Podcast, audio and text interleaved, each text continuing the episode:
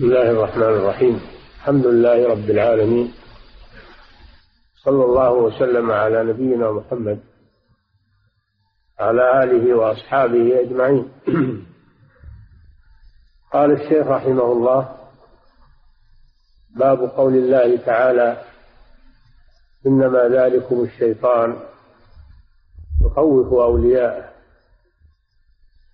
فلا تخافوهم وخافوني إن كنتم مؤمنين. أي ما جاء في تفسير هذه الآية وسبب نزولها مما يدل على أن الخوف نوع من أنواع العبادة. يجب أن يكون خالصا لله عز وجل فلا يخاف معه أحد أو يخاف غيره سبحانه وتعالى. ومناسبة هذا الباب للذي قبله واضحة لأن الذي قبله في المحبة وهي نوع من أنواع العبادة وكذلك الخوف مما يدل على أن العبادة ليست هي المحبة فقط بل لا بد يكون معها خوف ويكون معها رجاء ويكون معها خشية لله عز وجل والمحبة والخوف والرجاء والرغبة والرهبة والتوكل كلها من أعمال القلوب. عبادات قلبية من أعمال القلوب. هذا وجه المناسبة. أن لا يفهم أحد أن العبادة مقصورة على المحبة كما تقوله الصوفية. وإنما العبادة محبة وخوف ورجاء وخشية وتوكل ورغبة ورهبة في القلوب وكذلك أعمال الجوارح وأقوال اللسان. العبادة واسعة. كما قال شيخ الإسلام ابن تيمية رحمه الله أن العبادة تشمل جميع الأعمال التي شرعها الله سبحانه وتعالى سواء كانت قولية أو اعتقادية أو فعلية. اسم جامع لكل ما يحبه الله ويرضاه من الأعمال والأقوال الظاهرة والباطنة. فالأعمال يشمل أعمال الجوارح وأعمال القلوب. أعمال القلوب الخوف والخشية والرجاء. وأعمال الجوارح مثل الذبح والنذر والصلاة والركوع والسجود والجهاد. وأعمال القلب أعمال أقوال اللسان مثل ذكر الله والتسبيح والتهليل والتكبير والنطق بالشهادتين والأمر بالمعروف والنهي عن المنكر. فالعبادة واسعة المعاني. كل ما شرعه الله فإنه يكون من العبادة. وليست قاصرة على المحبة كما تقوله الصوفية.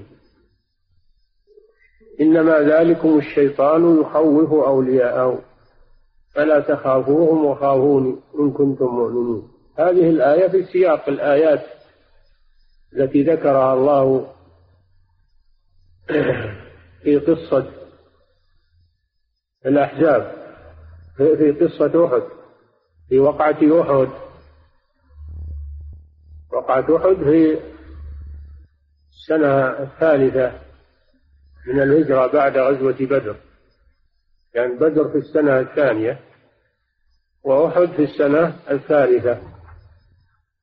وذلك أن المشركين أرادوا الثأر مما أصابهم في وقعة بدر أرادوا الثأر من المسلمين فجمعوا جيشا وجاءوا غازين رسول الله صلى الله عليه وسلم والمسلمين في المدينة. فخرج رسول الله صلى الله عليه وسلم والمسلمون والتقى الجمعان في عند جبل أحد قريبا من المدينة. ونظم النبي صلى الله عليه وسلم المسلمين وأمرهم أن لا يفعلوا شيئا إلا بما يأمرهم به صلى الله عليه وسلم. ودارت المعركة وانتصر المسلمون في أولها وشرعوا يجمعون الغنائم. وكان النبي صلى الله عليه وسلم قد نظم يعني رماة وضعهم على الجبل يحرسون ظهور المسلمين فظنوا أن المعركة انتهت وأرادوا النزول من الجبل. النبي صلى الله عليه وسلم قال لا تتركوا الجبل سواء انتصرنا أو هزمنا. لكنهم لما رأوا المسلمين يجمعون الغنائم ظنوا أن المعركة انتهت فقالوا ننزل نجمع الغنائم مع إخواننا. فنزلوا وخالفوا قول الرسول صلى الله عليه وسلم لا تتركوا الجبل. فلما رأى المشركون الجبل قد فرغ انقضوا على المسلمين من خلفهم دون أن يشعر المسلمون انقضوا عليهم من الجبل.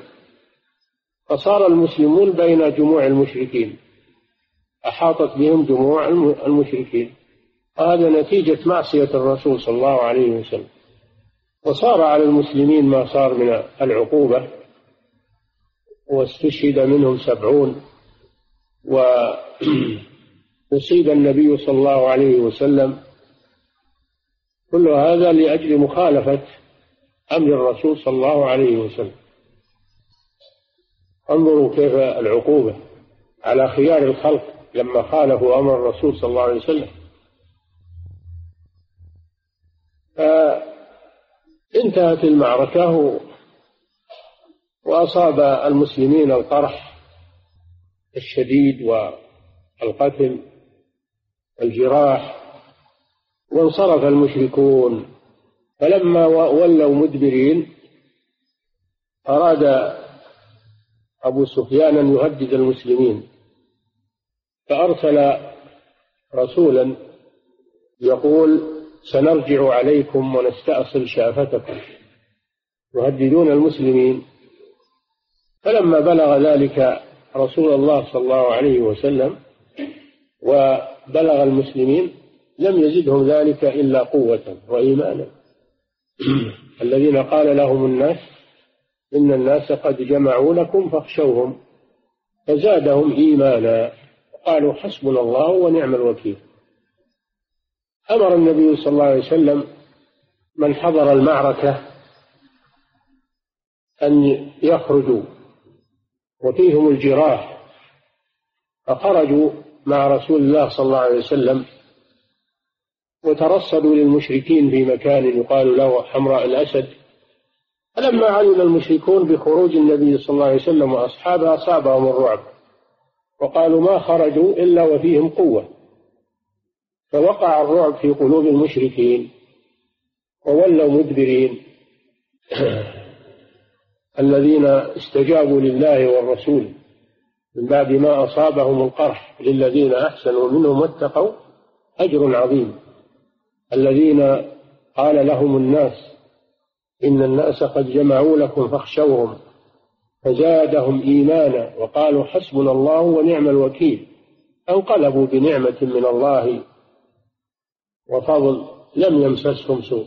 رجع المسلمون سالمين من أذى الكفار وألقى الله الرعب في قلوب الكفار. ثم قال جل وعلا إنما ذلكم الشيطان يخوف أولياءه. يعني هذا الذي حصل من المشركين من التهديد وأنهم سيرجعون على المسلمين. هذا إنما هو من الشيطان. يخوف أولياءه يخوف المسلمين بأوليائه أولياء الشيطان. فلا تخافوهم وخافوني إن كنتم مؤمنين. هذا محل الشاهد من الآية. إنما ذلكم الشيطان. يخوف أولياء أي يخوف المسلمين بأوليائه من الكفار. هذا التهديد الذي حصل إنما هو من الشيطان. وهذا ما يسمونه الآن الحرب النفسية. يريدون أن يرهبوا المسلمين وأن ولكن الله جل وعلا ثبت المسلمين. وقالوا حسبنا الله ونعم الوكيل. توكلوا على الله عز وجل. أنه لن يضرهم أحد إلا بإذن الله سبحانه وتعالى. وخرجوا خرجوا للقاء المشركين. ما ت... ما تواروا في البلد وجلسوا في البلد بل خرجوا إيمانا بالله ورسوله على ما فيهم من الجراح وما فيهم من المصيبة. لكن الإيمان في قلوبهم فلا تخافوهم وخافوني إن كنتم مؤمنين. فلما خافوا الله عز وجل توكلوا عليه ولم يؤثر فيهم تهديد المشركين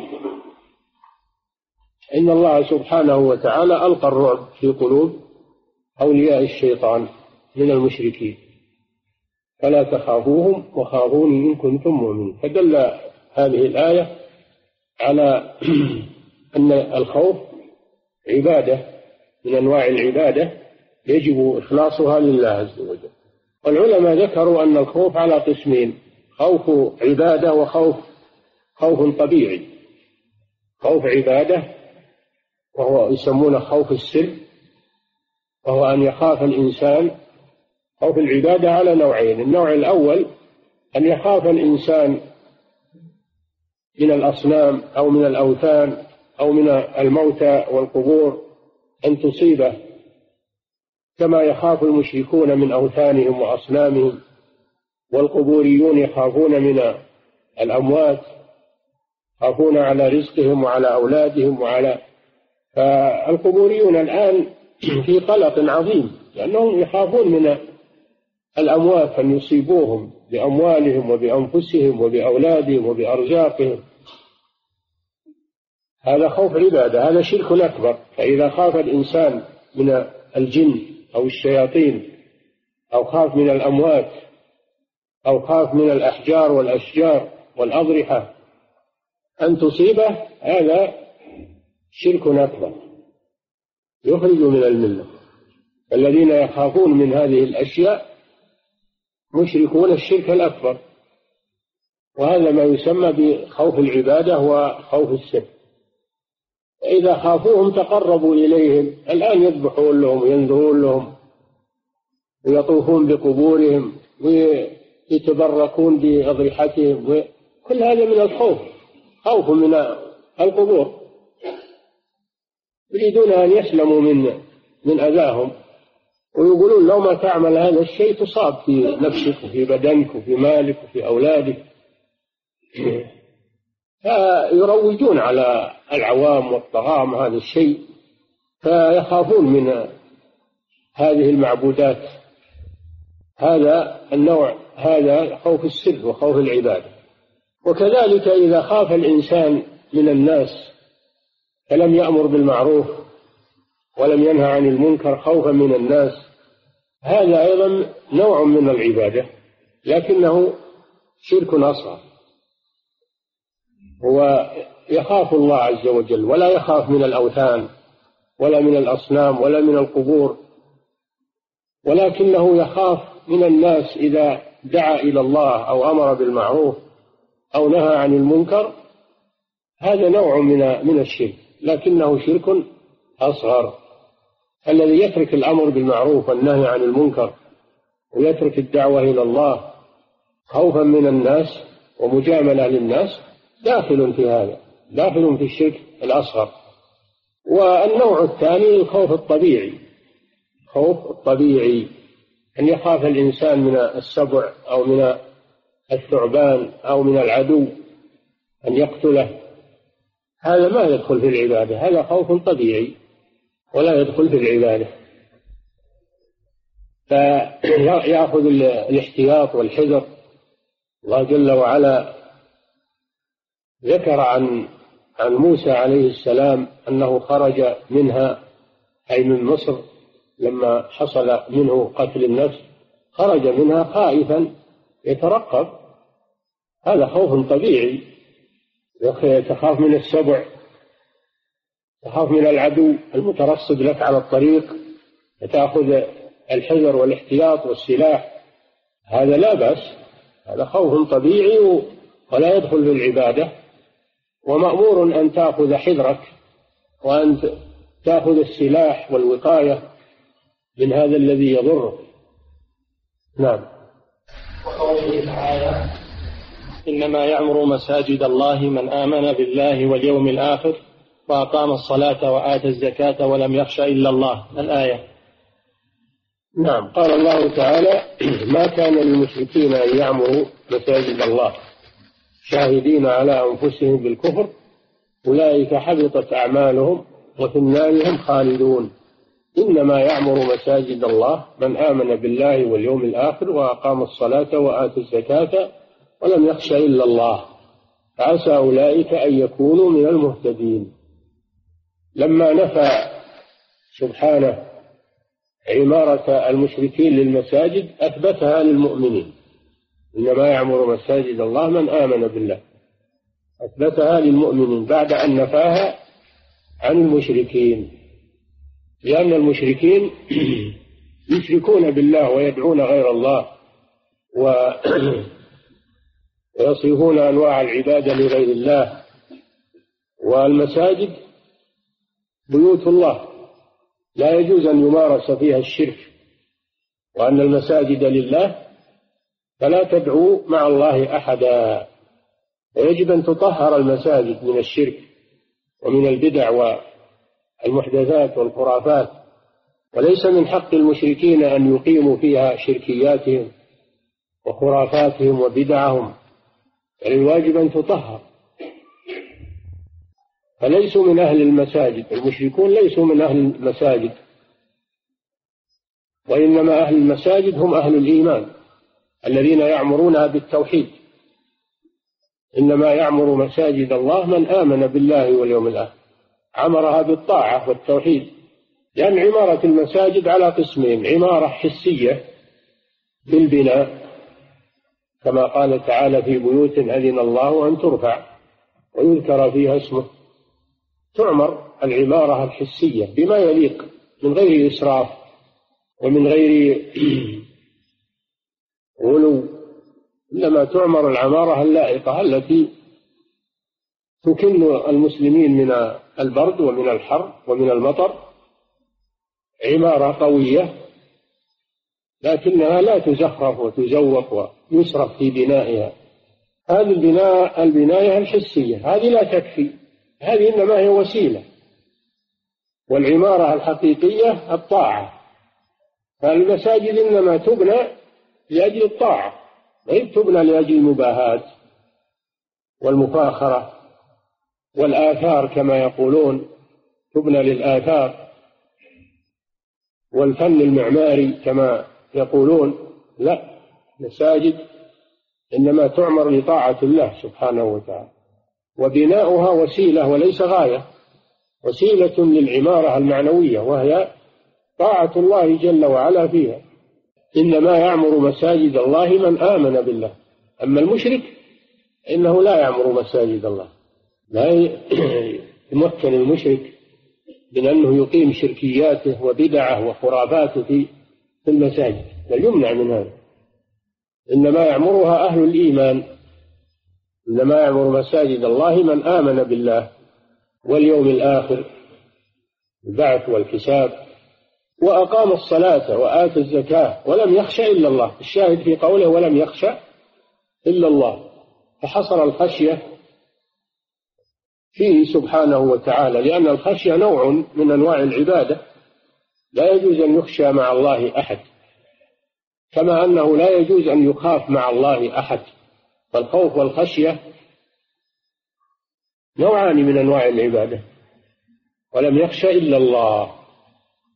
هؤلاء هم الذين يعمرون المساجد يعمرونها بالطاعة ولا تعمر المساجد بالشرك والبدع والمحدثات والمعاصي السيئات إنما تعمر بالطاعة. والشاهد من الآية قوله ولم يخش إلا الله حيث حصر الخشية فيه سبحانه وتعالى لأنها نوع من أنواع العبادة لا تصلح إلا له سبحانه. وجاء في الحديث إذا رأيتم الرجل يعتاد المساجد فاشهدوا له بالإيمان قال الله تعالى إنما يعمر مساجد الله من آمن بالله واليوم الآخر وأقام الصلاة وآتى الزكاة ولم يخش إلا الله نعم. وقوله تعالى ومن الناس من يقول آمنا بالله فإذا أوذي في الله جعل فتنة الناس كعذاب الله. الآية. ومن الناس من يقول آمنا بالله لكن إذا جاء فتنة واختبار لأن الله لا يترك الناس بدون اختبار. حسب الناس أن يتركوا أن يقولوا آمنا وهم لا يفتنون. ولقد فتنا الذين من قبلهم فلا يعلمن الله الذين صدقوا ولا يعلمن الكاذبين. قول آمنا بالله يقولها المنافق ويقولها المؤمن الصادق الإيمان. ما الذي يميز بينهم؟ اللي يميز بالمؤمن الصادق والمنافق ما الذي يميز؟ اللي يميز هو الاختبار. إذا جاء الاختبار تبين المؤمن الذي لا يتزحزح عن إيمانه وعقيدته وصبر وثبت على دينه من المنافق الذي إذا جاءته الفتنة كفر بالله عز وجل وخاف من الناس ولم يخف من الله. هذا يبين المنافق.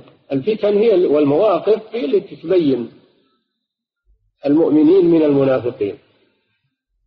حسب الناس أن يتركوا وأن يقولوا آمنا وهم لا يفتنون. ولقد فتنا الذين من قبلهم فلا يعلمن الله الذين صدقوا ولا يعلمن الكاذبين. إن تعلمون ما حصل على عهد النبي صلى الله عليه وسلم. لما جاء الكفار يوم أحد خرج المسلمون ورجع المنافقون. رجعوا بقيادة عبد الله بن أبي تركوا الرسول صلى الله عليه وسلم. ولما جاء غزوة الأحزاب ماذا حصل؟ لما رأى المؤمنون الأحزاب قالوا هذا ما وعدنا الله ورسوله وصدق الله ورسوله وما زادهم إلا إيمانا وتسليما. وأما المنافقون وإذ يقول المنافقون والذين في قلوبهم مرض ما وعدنا الله ورسوله إلا غرورا. هو المواقف. لما جاءت الهزة وجاء الامتحان تبين النفاق. وهذا دائما وأبدا في كل زمان. إذا جاءت الشدائد والهزات تكلم المنافقون وأظهروا ما في أنفسهم وثبت المؤمنون. ولا يقولون إلا إلا الحق ولا يقولون إلا ما فيه خير. ولا يغير الامتحان مما في قلوبهم. بل يزيدهم قوة ويزيدهم إيمانا وثباتا. هذه سنة الله جل وعلا. في خلقه دائما وأبدا. أنه عند الشدائد يتميز المؤمن من المنافق. فإذا أوذي في الله يعني من أجل الله أصابه أذى من الناس جعل فتنة الناس أي ما يناله من أذى الناس كعذاب الله. سوى بين ما يصيبه من الناس وما يصيبه من الله عز وجل. فينقلب على عقبيه. أما المؤمن فإنه يثبت على إيمانه ويصمد على عقيدته ويصبر على ما أصابه. هذه مواقف أهل الإيمان دائما وابدا عند الابتلاء والامتحان. أما المنافق فإنه يسوي بين عذاب الدنيا وعذاب الآخرة. جعل فتنة الناس كعذاب الله. ففر فر من أذى الناس إلى عذاب الآخرة. فيكون كالذي استجار من الرمضاء بالنار كالمستجير من الرمضاء بالنار. المستجير بعمر عند كربته كالمستجير من الرمضاء بالنار. هؤلاء هم. فروا من عذاب الدنيا الذي يصيبهم على يد أعداء الله إلى عذاب الله في الآخرة. عذاب الله أشد. أما المؤمنون فهم بالعكس يفرون من عذاب الله إلى عذاب الدنيا ويصبرون على عذاب الدنيا وعلى ما ينالهم.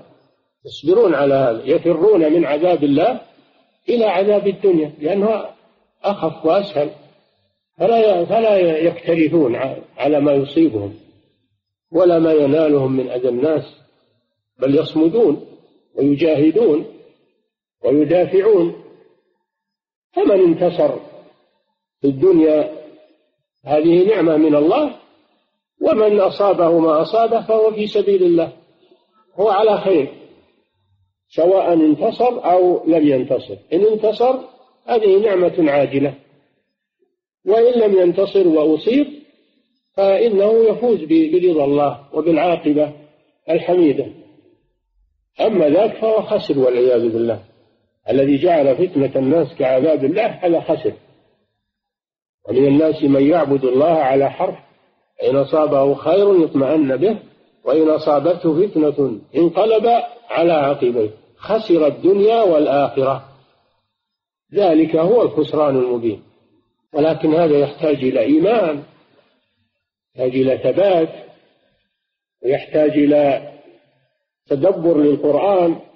ودراسة دراسة لسير الأنبياء والمرسلين وما جرى عليهم دراسة لسير الصالحين والمؤمنين وما يجري عليهم وكيف تكون مواقفهم حتى يقتدي بهم وحتى يقتنع إن هذا ما هو شيء عليه هو فقط. هذا شيء جرى على من هو خير منه من, من الأنبياء والمرسلين والمؤمنين الصحابة.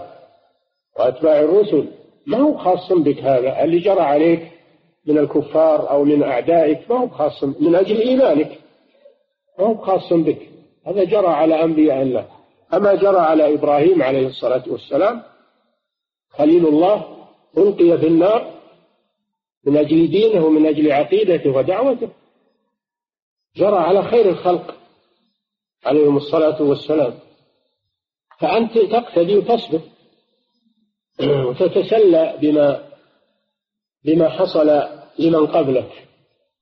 والشاهد من الآية فإذا أوذي في الله جعل فتنة الناس كعذاب الله. يعني يخشى الناس أشد من خشيته لله عز وجل فيترك الإيمان ويترك الدين ويوافق الكفار فيما يريدون وما يطلبون علشان يسلم من من أذاهم. أما المؤمن لا. ما يساوم على دينه أبدا. مهما أصابه لا يساوم على دينه بل هو يثبت ويعلم من هذا ابتلاء وامتحان وأنه جرى على خير خلق الله يثبت على دينه. ولو قتل ولو حرق يثبت على هذا. نعم.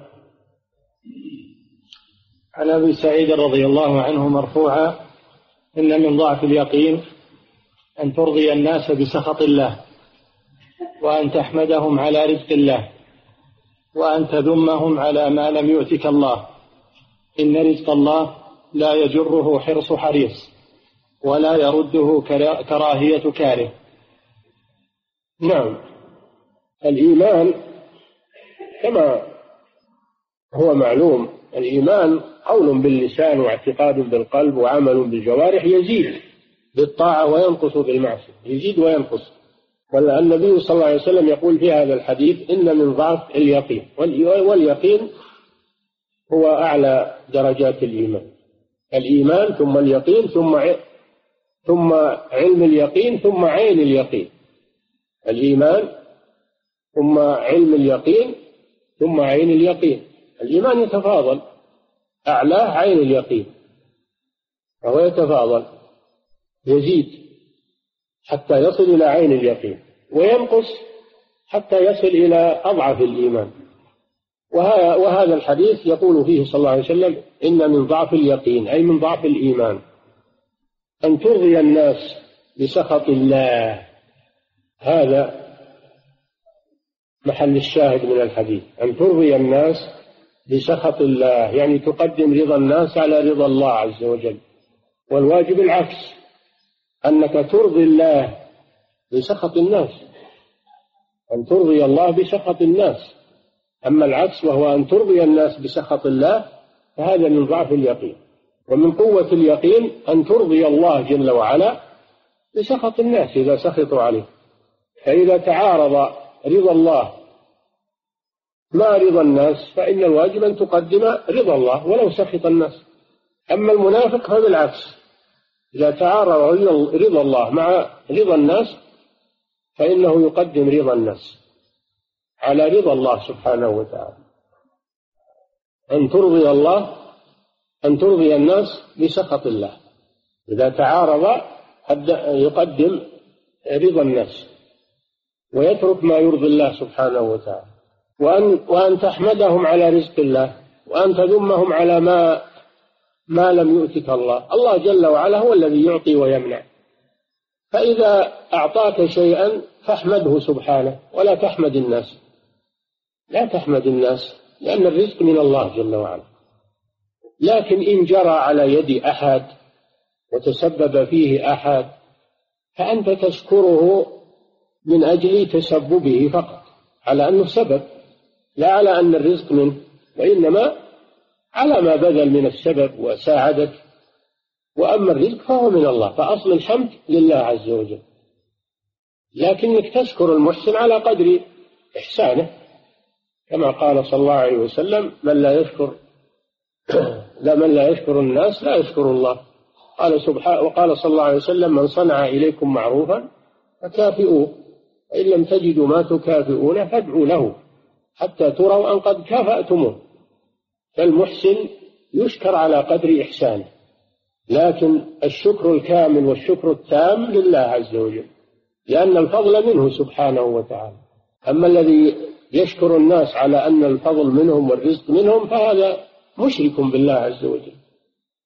أن تحمدهم على رزق الله وأن تذمهم على ما لم يؤتك الله. إذا ما حصلت على مطلوبك لا تذم الناس. الله ما كتب لك هذا الشيء. لأنه لو كتبه الله لك لحصل. ألا تلوم الناس وتذم الناس وتسب الناس؟ بل قل هذا قدر الله سبحانه وتعالى. ولا تدري لعل حبسه حبس هذا الشيء الذي أنت ترغبه لعل حبسه عنك خير لك. ما تدري. فأنت ترضى بقضاء الله وقدره. هذا هذا سبيل أهل الإيمان. وأن تذمهم على ما لم يؤتك الله. ثم قال صلى الله عليه وسلم إن رزق الله لا يجره حرص حريص ولا يرده كراهية كاره. كما قال صلى الله عليه وسلم لعبد الله بن عباس واعلم أن الناس لو اجتمعوا على أن ينفعوك بشيء لم ينفعوك إلا بشيء قد كتبه الله لك. ولو اجتمعوا على أن يضروك لم يضروك إلا بشيء قد كتبه الله عليك. فأنت تعتقد أن القضاء والقدر بيد الله وأن الأمور كلها بيد الله وأن المنع والإعطاء بيد الله. فتعلق قلبك بالله عز وجل دائما وأبدا. وهذا هو الرغبة إلى الله عز وجل. ترغب إلى الله وترجوه. ولا تعلق قلبك بالناس. فإن أحسنوا إليك مدحتهم وإن أساء يعني إن حصل لك مطلوبك مدحتهم مع أنه ما هم منهم من الله. وإن لم يحصل لك مطلوبك تذمهم مع أنهم ما هم باللي مانعينه. الذي منعه هو الله جل وعلا. الإنسان يعتدل في أموره. نعم.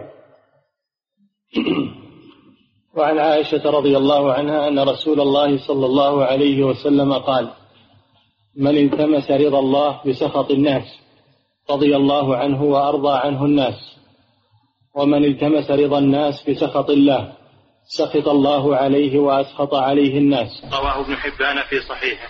هذا عن رسول الله صلى الله عليه وسلم. وذلك أن معاوية رضي الله عنه كتب إليها يطلب منها النصيحة. يطلب منها النصيحة. فكتبت له هذا الحديث. كتبت له هذا الحديث. قالت وعليكم السلام ورحمة الله. ثم قال ثم روت الحديث. قال رسول الله صلى الله عليه وسلم من التمس رضا الناس من التمس رضا الله بسخط الناس رضي الله عنه وأرضى عنه الناس. ومن التمس رضا الناس بسخط الله سخط الله عليه وأسخط عليه الناس. ما أحسن هذه النصيحة لولاة الأمور؟ ولكل مسلم أنه يسير على هذا المنهج الذي رسمه رسول الله صلى الله عليه وسلم بكلمتين. لأن رسول الله صلى الله عليه وسلم أوتي جوامع الكلم وفصل الخطاب. رسم المنهج الذي يسير عليه يسير عليه الولاة والرعاة. يسيرون عليه. وينجحون في حياتهم وفي دنياهم وآخرتهم. من التمس رضا الله بسخط الناس ولو سخط عليك الناس. أنت ترضي الله عز وجل ولو سخط عليك الناس.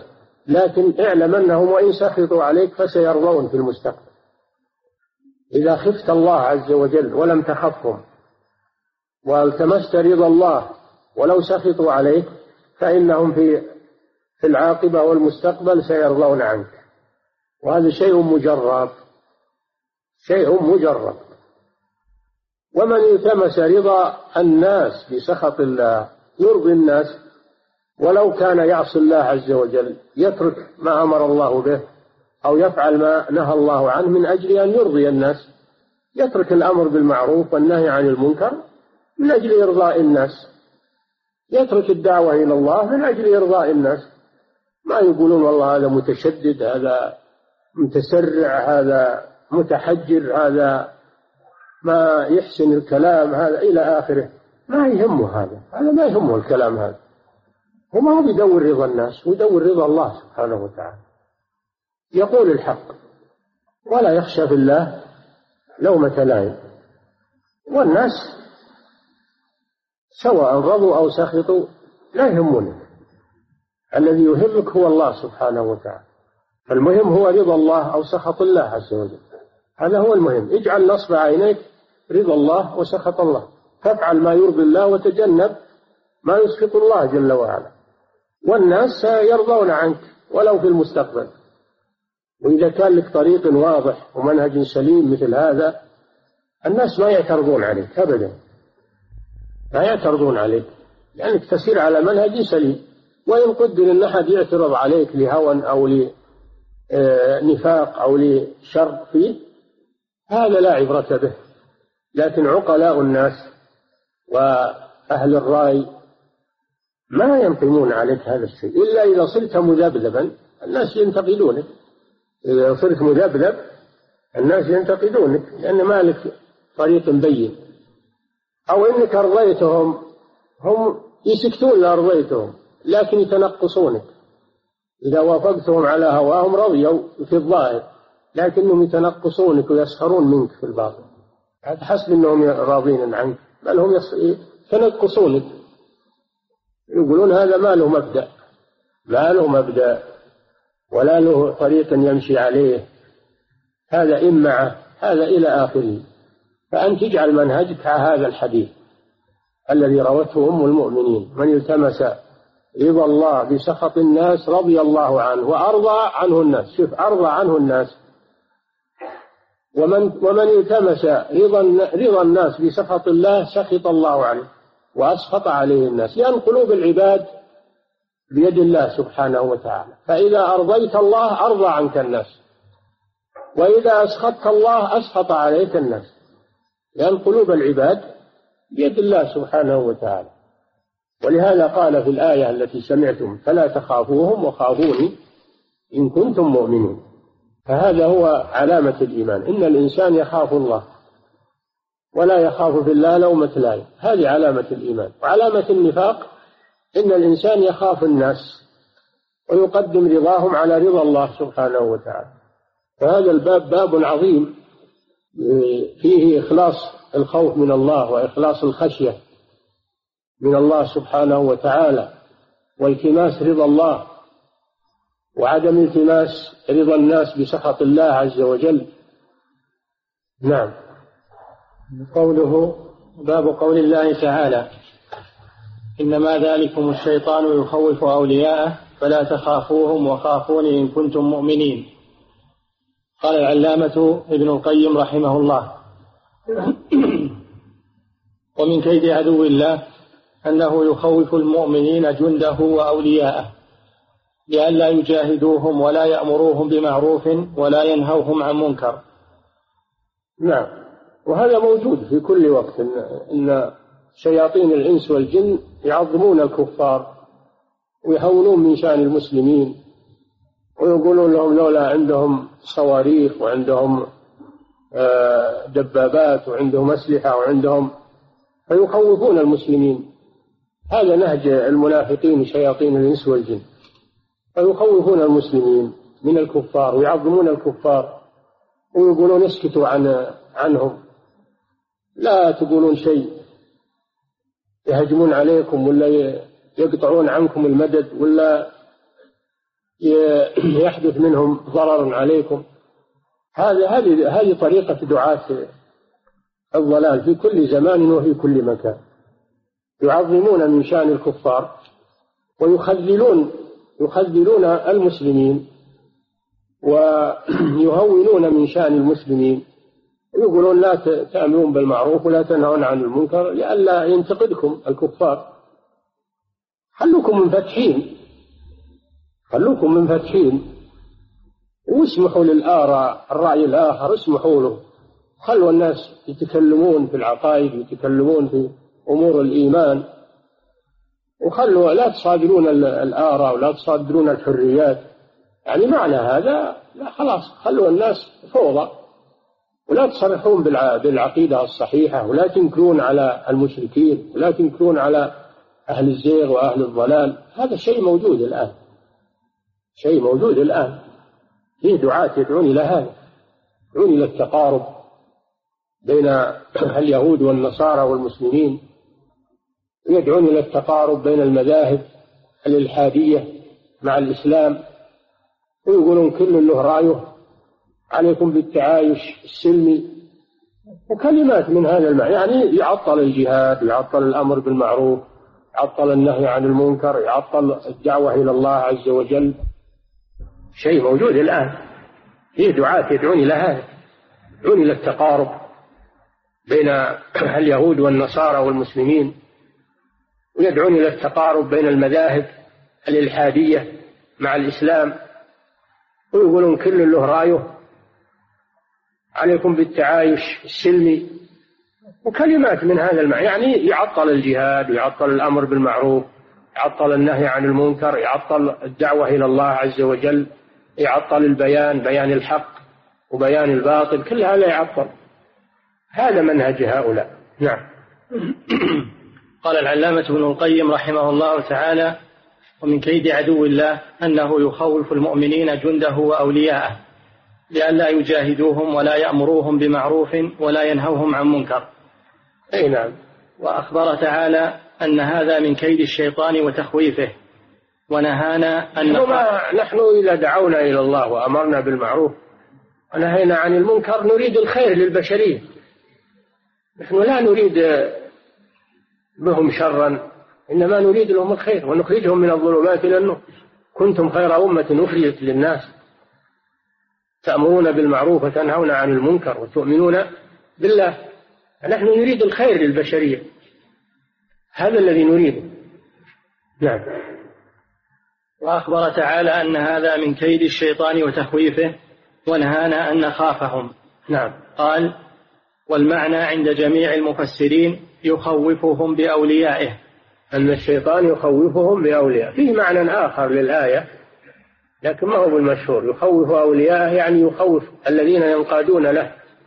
يوقع في قلوبهم الرعب. ولكن المعنى الصحيح والذي عليه جمهور المفسرين أنه يخوف المؤمنين. ما هو يخوف أولياءه هو وإنما يخوف المؤمنين الذين هم أعداؤه. نعم. والمعنى عند جميع المفسرين يخوفهم بأوليائه. قال قتادة يعظمهم في صدوركم. نعم. فكلما قوي إيمان العبد زال من قلبه خوف أولياء الشيطان. وكلما ضعف الذين آمنوا يقاتلون في سبيل الله والذين كفروا قاتلون في سبيل الطاغوت فقاتلوا أولياء الشيطان. إن كيد الشيطان كان ضعيفا. نعم. فكلما قوي إيمان العبد زال من قلبه خوف أولياء الشيطان وكلما ضعف إيمانه قوي خوفه منهم. نعم. فدلت هذه الآية على أن إخلاص الخوف من كمال شروط الإيمان. نعم. وسبب نزول هذه الآية مذكور في التفاسير والسير. كما وضحناه لكم أنه سببه في غزوة أحد. نعم. قوله وقول الله تعالى إنما يعمر مساجد الله من آمن بالله واليوم الآخر وأقام الصلاة وآتى الزكاة ولم يخش إلا الله. الآية. أخبر تعالى أن مساجد الله لا يعمرها إلا أهل الإيمان بالله واليوم أضافها إلى نفسه إضافة تشريف. مساجد الله بيوت الله. من أجل التشريف. تشريف لهذه المساجد. نعم. أخبر تعالى أن مساجد الله لا يعمرها إلا أهل الإيمان بالله واليوم الآخر. الذين آمنوا بقلوبهم وعملوا بجوارحهم وأخلصوا له الخشية دون من سواه. فلا تكون المساجد فلا تكون المساجد عامرة إلا بالإيمان. الذي نعم.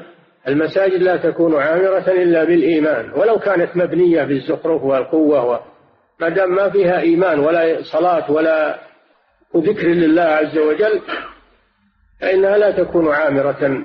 ولو كانت قائمة بالطين والمسلح و إنما تعمر بذكر الله عز وجل. هذه العمارة. الحقيقية. عمارة الطين هذه وسيلة وليست غاية.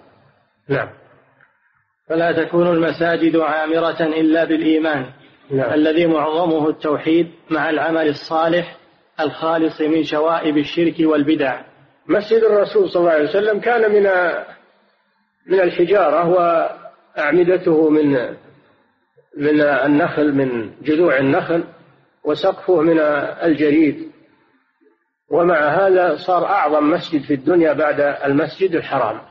لماذا؟ لأنه عامر بالإيمان بالله عز وجل والعلم النافع والعمل الصالح. وإن كانت عمارته بالجريد وجذوع النخل حتى إن المطر إذا نزل ينزل على داخل المسجد حتى سجد النبي صلى الله عليه وسلم على أثر الماء والطين في جبهته عليه الصلاة والسلام.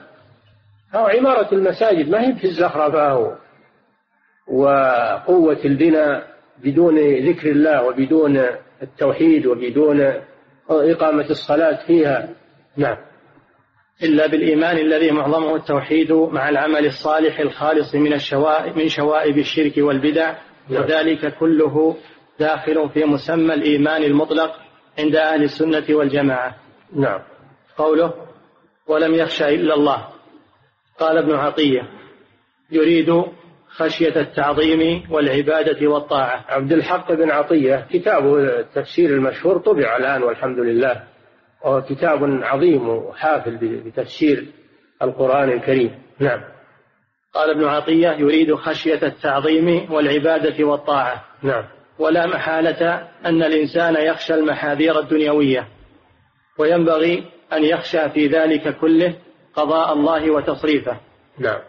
قلت لأن النفع والضر إنما يكون بمشيئته وإرادته. نعم. فما شاء كان وما لم يشاء لم يكن.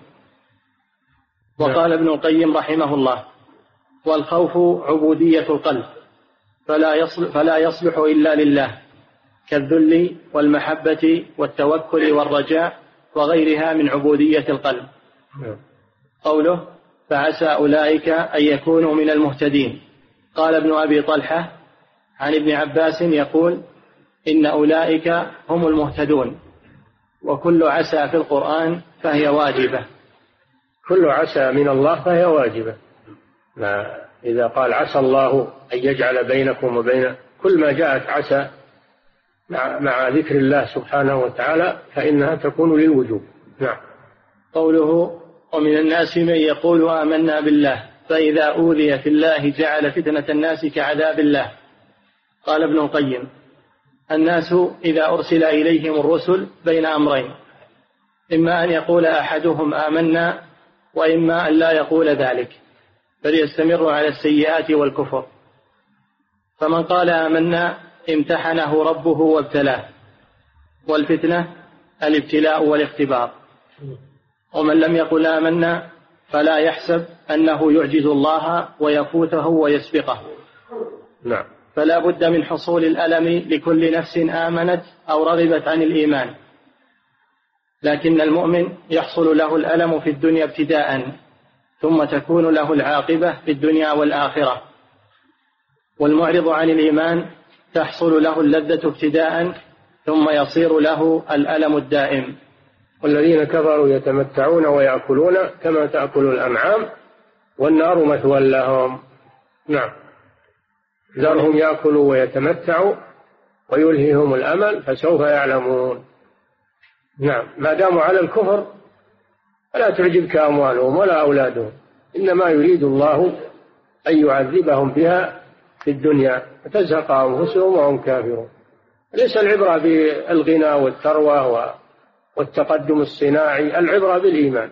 إذا كانت هذه الأمور معها إيمان فهي نعمة من الله عز وجل. أما إذا كان لم يكن معها إيمان فهي استدراج من الله عز وجل وستنقلب نارا تتأجج عما قريب. نعم. والإنسان لا بد أن يعيش مع الناس. نعم. والناس لهم تصورات وإرادات. نعم. فيطلبون منه أن يوافقهم عليها. وإن لم يوافقهم آذوه وعذبوه. ما في شك. وإن وافقهم حصل له العذاب تارة منهم وتارة من غيرهم. إلى أن قال فالحزم كل الحزم في الأخذ بما قالت أم المؤمنين لمعاوية من أرضى الله, من أرضى الله بسخط الناس كفاه الله مؤونة الناس. ومن أرضى الناس بسخط الله لم يغنوا عنه من الله شيئا. فمن هداه الله وألهمه لرشده ووقاه وألهمه رشده ووقاه شر نفسه امتنع من الموافقة على فعل المحرم وصبر على عداوتهم ثم تكون له العاقبة في الدنيا والآخرة كما كانت للرسل وأتباعهم. ثم أخبر تعالى عن حال عن حال الداخل في الإيمان بلا بصيرة وأنه إذا أوذي في الله جعل فتنة الناس له وهي أذاهم ونيلهم إياه بالمكروه وهو الألم الذي لا بد أن ينال الرسل وأتباعهم ممن خالفهم. جعل ذلك في فراره منه وتركه السبب الذي يناله به كعذاب الله الذي فر منه المؤمنون بالإيمان. فالمؤمنون لكمال بصيرتهم فروا من ألم عذاب الله إلى الإيمان. وتحملوا ما فيه من الألم الزائل المفارق المفارق عن قريب. وهذا من ضعف بصيرته فر من ألم أعداء الرسل إلى موافقتهم ومتابعتهم ففر من ألم عذابهم إلى ألم عذاب الله فجعل ألم فتنة الناس في الفرار منه بمنزلة عذاب الله وغبن كل الغبن إذ استجار من الرمضاء بالنار. وفر من ألم ساعة إلى ألم الأبد. وإذا نصر الله جنده وأولياءه قال إني كنت معكم. ولئن جاء نصر من ربك ليقولن إنا كنا معكم. أوليس الله بأعلم بما في صدور العالمين؟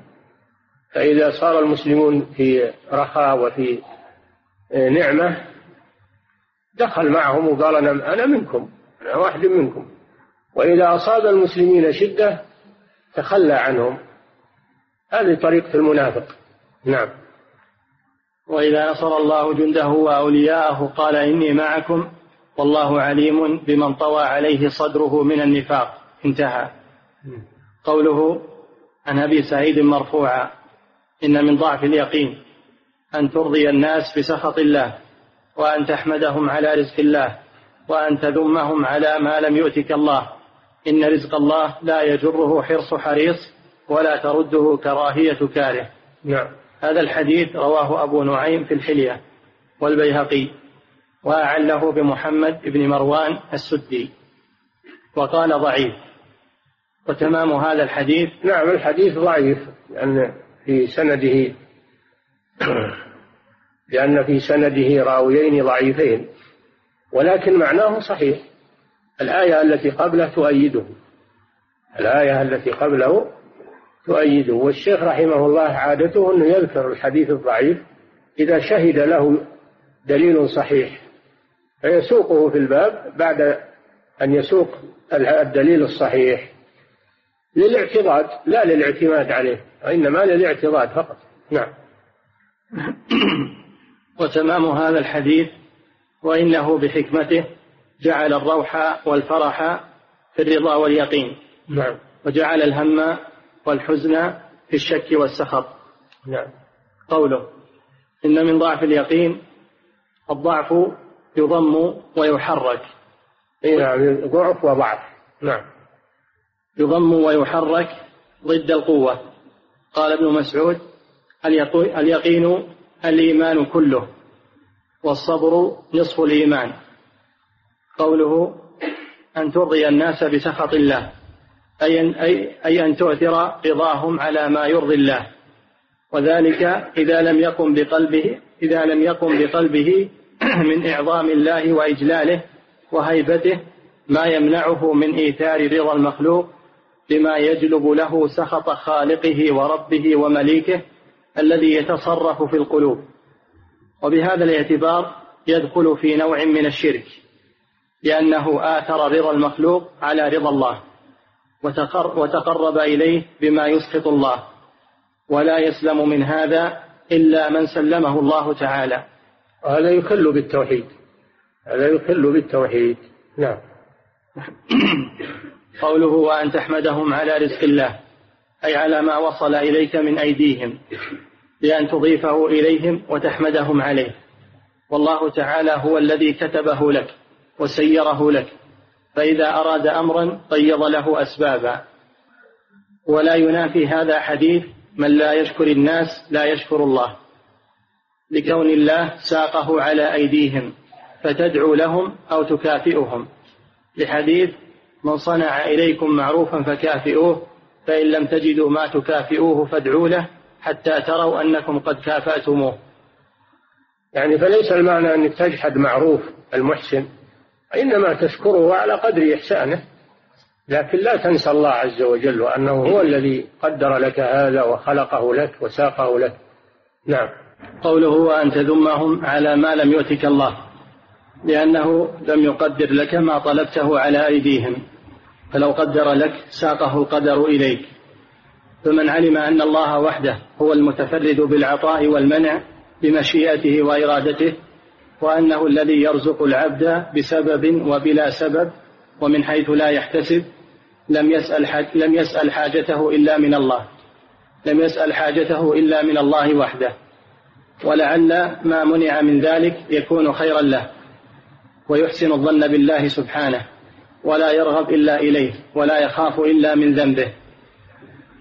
وقد قرر هذا المعنى في الحديث بقوله إن رزق الله لا يجره حرص حريص ولا ترده كراهية كاره. وقال شيخ الإسلام اليقين يتضمن القيام بأمر الله تعالى وما وعد الله به أهل طاعته ويتضمن اليقين بقدر, بقدر الله وخلقه وتدبيره.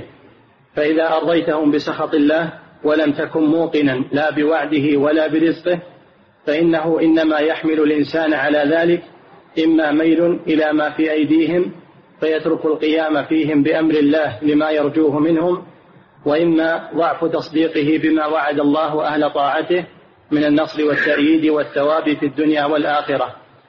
فإنك إذا أرضيت فإنك إذا أرضيت الله نصرك ورزقك وكفاك مؤونتهم. وإرضاؤهم بما يسخطه إنما يكون خوفا منهم ورجاء لهم وذلك من ضعف اليقين.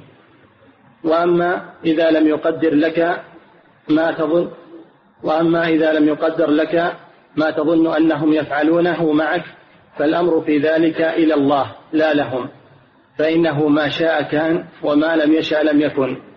فإذا ذممتهم على ما لم يقدر لك كان ذلك من ضعف يقينك.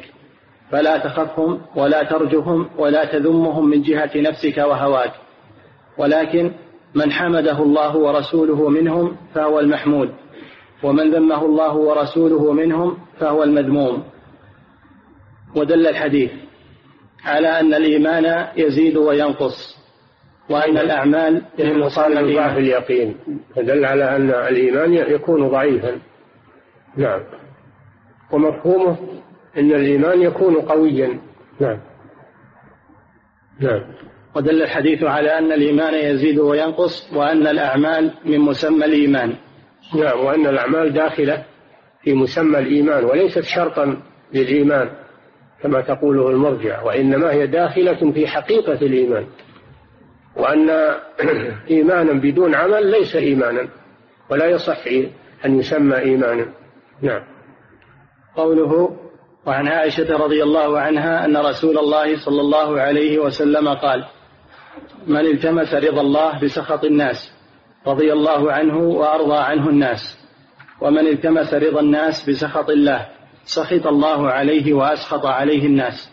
رواه ابن حبان في صحيحه. قوله من التمس أي طلب. قال شيخ الإسلام وكتبت عائشة إلى معاوية ويروى أنها رفعته من يعني أرضى الله؟ يعني إلى الرسول صلى الله عليه وسلم. نعم. من أرضى الله بسخط الناس كفاه الله مؤونة الناس. ومن أرضى الناس بسخط الله لم يغنوا عنه من الله شيئا. هذا لفظ المرفوع ولفظ الموقوف من أرضى الله بسخط الناس رضي الله عنه وأرضى عنه الناس. ومن أرضى الناس بسخط الله عاد حامده من الناس ذاما. نعم. وهذا من أعظم الفقه في الدين. فإن من أرضى الله بسخطهم كان قد اتقاه وكان عبده الصالح والله يتولى الصالحين والله كاف عبده ومن يتق الله يجعل له مخرجا ويرزقه من حيث لا يحتسب والله يكفيه مؤونة الناس بلا ريب ومن أرضى الناس بسخط الله لم يغنوا عنه من الله شيئا كالظالم الذي يعض على يديه وأما كون وأما كون حامده ينقلب ذاما فهذا يقع كثيرا ويحصل في العاقبة فإن العاقبة للتقوى لا تحصل ابتداء عند أهوائهم انتهى. نعم. يقول فضيلة الشيخ وفقكم الله. من ترك الأمر بالمعروف والنهي عن المنكر حياء من الناس هل يدخل في الوعيد المقتضي لوقوعه في الشرك الأصغر ويستوي مع الخائف؟ نعم. إذا تركه حياء من الناس دخل في, في الذنب أما إذا تركه لأنه لا يقدر عليه هذا معذور. أما إذا تركه وهو يقدر عليه لكن تركه حياء أو مجاملة إنه يدخل في الذنب ويكون شركا أصغر. نعم. يقول فضيلة الشيخ وفقكم الله هل هناك فرق بين الخوف والخشية؟ لا, لا يظهر لي. أن هناك فرقا بينهما. نعم. يقول فضيلة الشيخ وفقكم الله. حديث إذا رأيتم الرجل يعتاد المساجد فاشهدوا له بالإيمان. ما مدى صحته؟ حسن كما قال الترمذي حديث حسن. ذكره ابن كثير في أول تفسيره وقال إنه إنه حديث حسن. نعم. يقول فضيلة الشيخ وفقكم الله. ذكرتم حفظكم الله أن من حمد الناس على ما رزقه الله وشكرهم على رزق الله فهو مشرك. يعني إذا اقتصر على ذلك أما إذا شكر الله واعترف بأنه من الله ولكن شكر المحسن والمتسبب على قدر إحسانه هذا هو المطلوب. أما إذا اقتصر على شكر الناس ولم يشكر الله هذا هو الشرك. نعم. ولكن أشكل علي قول النبي صلى الله عليه وسلم إن من ضعف اليقين فهل يكون مشرك ويقينه ضعيف؟ أي نعم يكون من الشرك الأصغر. مشرك يكون من الشرك الأصغر عنده إيمان لكنه ضعيف. نعم والشرك الأصغر لا ينافي الإيمان. الذي ينافي الإيمان هو الشرك الأكبر. نعم. يقول فضيلة الشيخ وفقكم الله هل نقول إن زخرفة المساجد وتلوين البويات ووضع القبب والمحاريب تعد من البدع وزخرفتها؟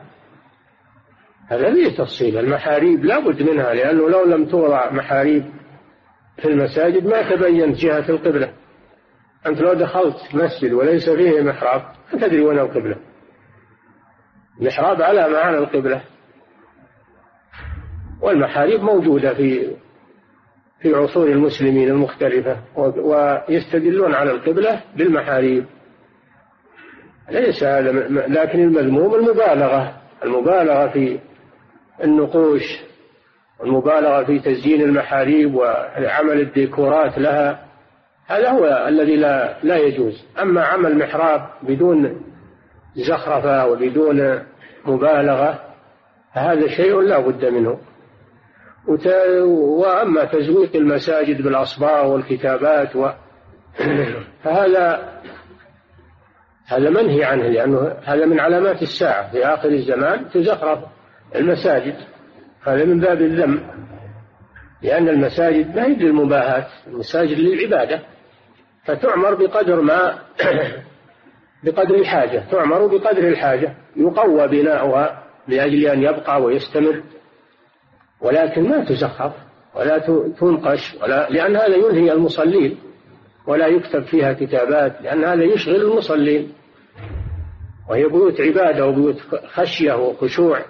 إذا دخلها الإنسان وهي منقوشة ومزخرفة وفيها ديكورات يشتغل بالنظر فيها وهو يصلي وانشغل عن الصلاة. فيكون هذا وسيلة إلى عدم الخشوع. وأما القباب فلا مانع منها لأن هذا فن المعماري. جعل قبة في المسجد أو قبتين حسب الحاجة. هذا فن معماري ما في بأس. نعم. يقول فضيلة الشيخ وفقكم الله عندما أرى رجلا على معصية أو على منكر وأريد أن أنصحه يأتيني استحياء وأنا منكر لهذا المنكر بقلبي فهل يدخل هذا أيضا في الشرك الأصغر؟ نعم. إذا كنت تقدر على الإنكار وتركته حياء أو أو مجاملة هذا يدخل في الشرك الأصغر. نعم. لأنك يعني خفت المخلوق ولم تخف من الخالق. نعم. يقول فضيلة الشيخ وفقكم الله هل يجوز أن تقوم عمالة كافرة ببناء المسجد أو لا بد أن تكون العمالة كلها مسلمة؟ لا بأس بذلك. إن إن وجد عمالة مسلمة هي أولى وإذا لم يوجد عمالة مسلمة فلا مانع منه. إنهم يشتغلون في البناء يدخلون للحاجة. إلا المسجد الحرام. المسجد الحرام لا يجوز أن يقربه المشركون. إنما المشركون نجس فلا يقربوا المسجد الحرام بعد عامهم هذا فلا يدخلون حدود الحرام. هذا خاص بالمسجد الحرام والمشاعر. وأما بقية المساجد فلا مانع أنها يدخلها الكفار لحاجة لإصلاح كهرباء أو تركيب آليات أو مراوح أو مكيفات في مانع أو لعمارتها. كان المشركون والكفار يدخلون مسجد الرسول صلى الله عليه وسلم يدخلون على الرسول يسألونه يدعوهم إلى الله. نعم. يقول فضيلة الشيخ وفقكم الله في قريب يرقد بالمستشفى وفيه مرض الدرن وحيث ذكر الأطباء أن هذا المرض معد فإني لم أزره منذ أسبوعين خوفا من العدوى. فهل في خوفي هذا شيء؟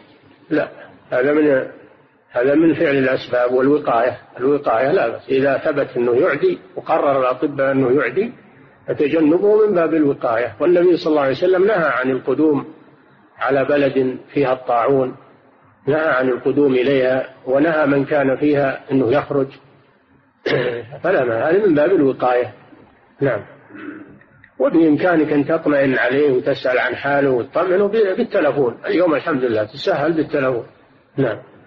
يقول فضيلة الشيخ وفقكم الله هناك بعض طلبة العلم من لديه بعض المخالفات مخالفات في منهج الدعوة إلى الله إلا أن لديهم علما كثيرا فهل نأخذ العلم على أيديهم ونقرأ كتبهم أم يكتفى بأهل المنهج السلفي الصحيح؟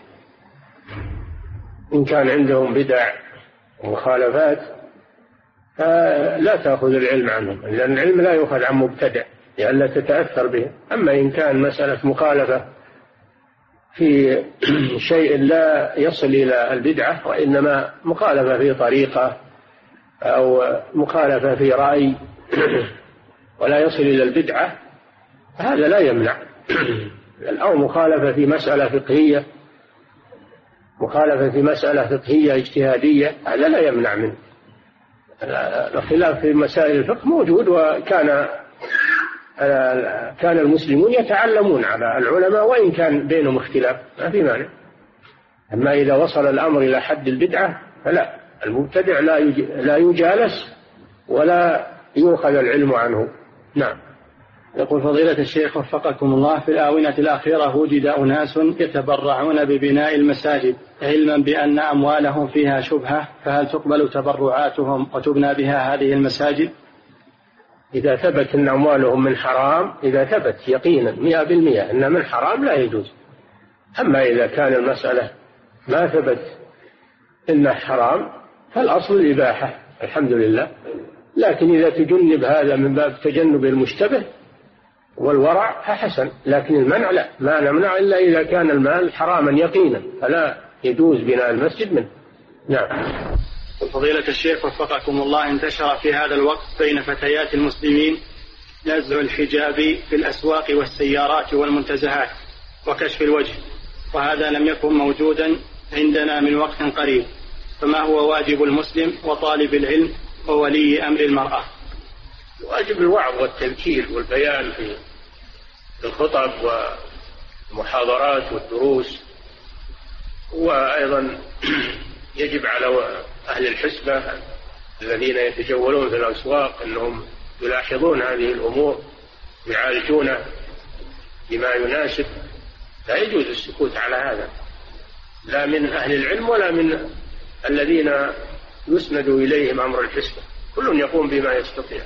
العلماء يبينون ورجال الحسبة أيضا يقومون بما يجب عليهم من معالجة هذه الأمور ولا تترك.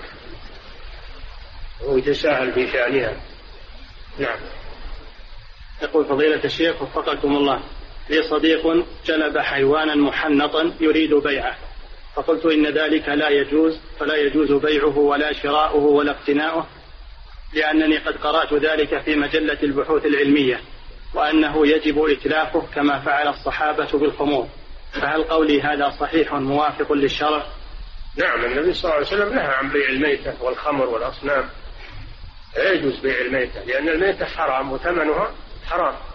لأن الله إذا حرم شيئا حرم ثمنه. لا يجوز بيع الميتة والمحنطة لي ميتة. لا يجوز بيعها. الله تعالى أعلم وصلى الله وسلم على نبينا محمد وعلى آله وصحبه.